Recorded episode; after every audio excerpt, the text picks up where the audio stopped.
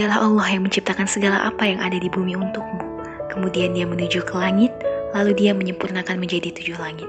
Dan dia maha mengetahui segala sesuatu. Quran Surat Al-Baqarah ayat 29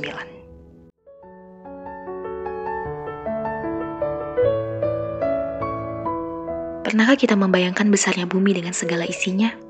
Betapa luasnya langit dengan tujuh lapisan yang Allah tetapkan.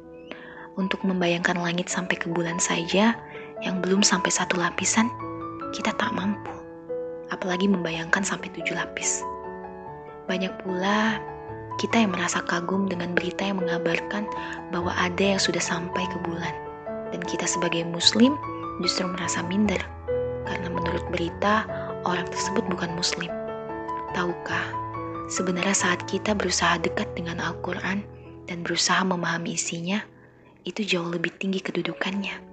Karena Al-Quran datang dari lapisan langit ketujuh. Dan perlu kita ingat bahwa satu-satunya manusia yang pernah sampai ke langit ketujuh adalah Nabi kita, Muhammad Sallallahu Alaihi Wasallam.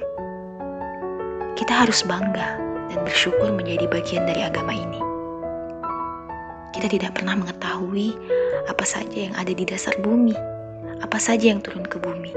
Mungkin kita hanya tahu bahwa hujan saja yang turun. Padahal ada rahmat Allah.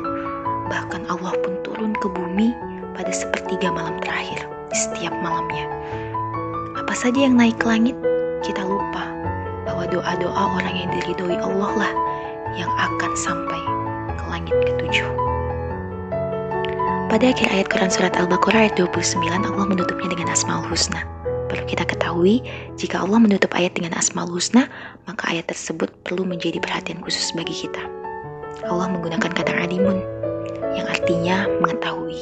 Mengetahui di sini mencakup mendengar, melihat, dan menyaksikan. Diawali dengan bikuli syai'in, meliputi segala sesuatu.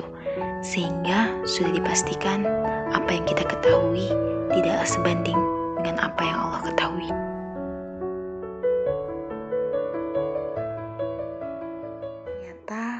Langit dan bumi luas ya. Kita yang kecil, kita yang terbatas. Untuk membayangkan saja kita tak mampu, apalagi untuk sampai ke sana.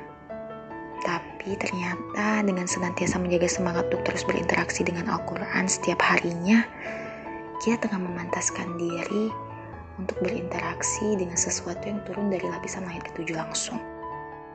Senantiasa menjaga apa yang ada di bumi dan lebih peduli terhadap lingkungan mungkin bisa kita mulai dengan hal-hal yang sederhana sebagai sarana syukur kita terhadap apa yang telah Allah hamparkan di bumi ini.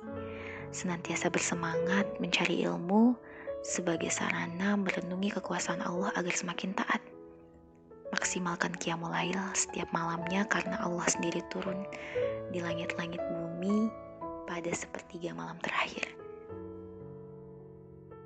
Dan yang terakhir, berbanyak berdoa karena kita tidak tahu doa mana yang berhasil menembus langit ketujuh.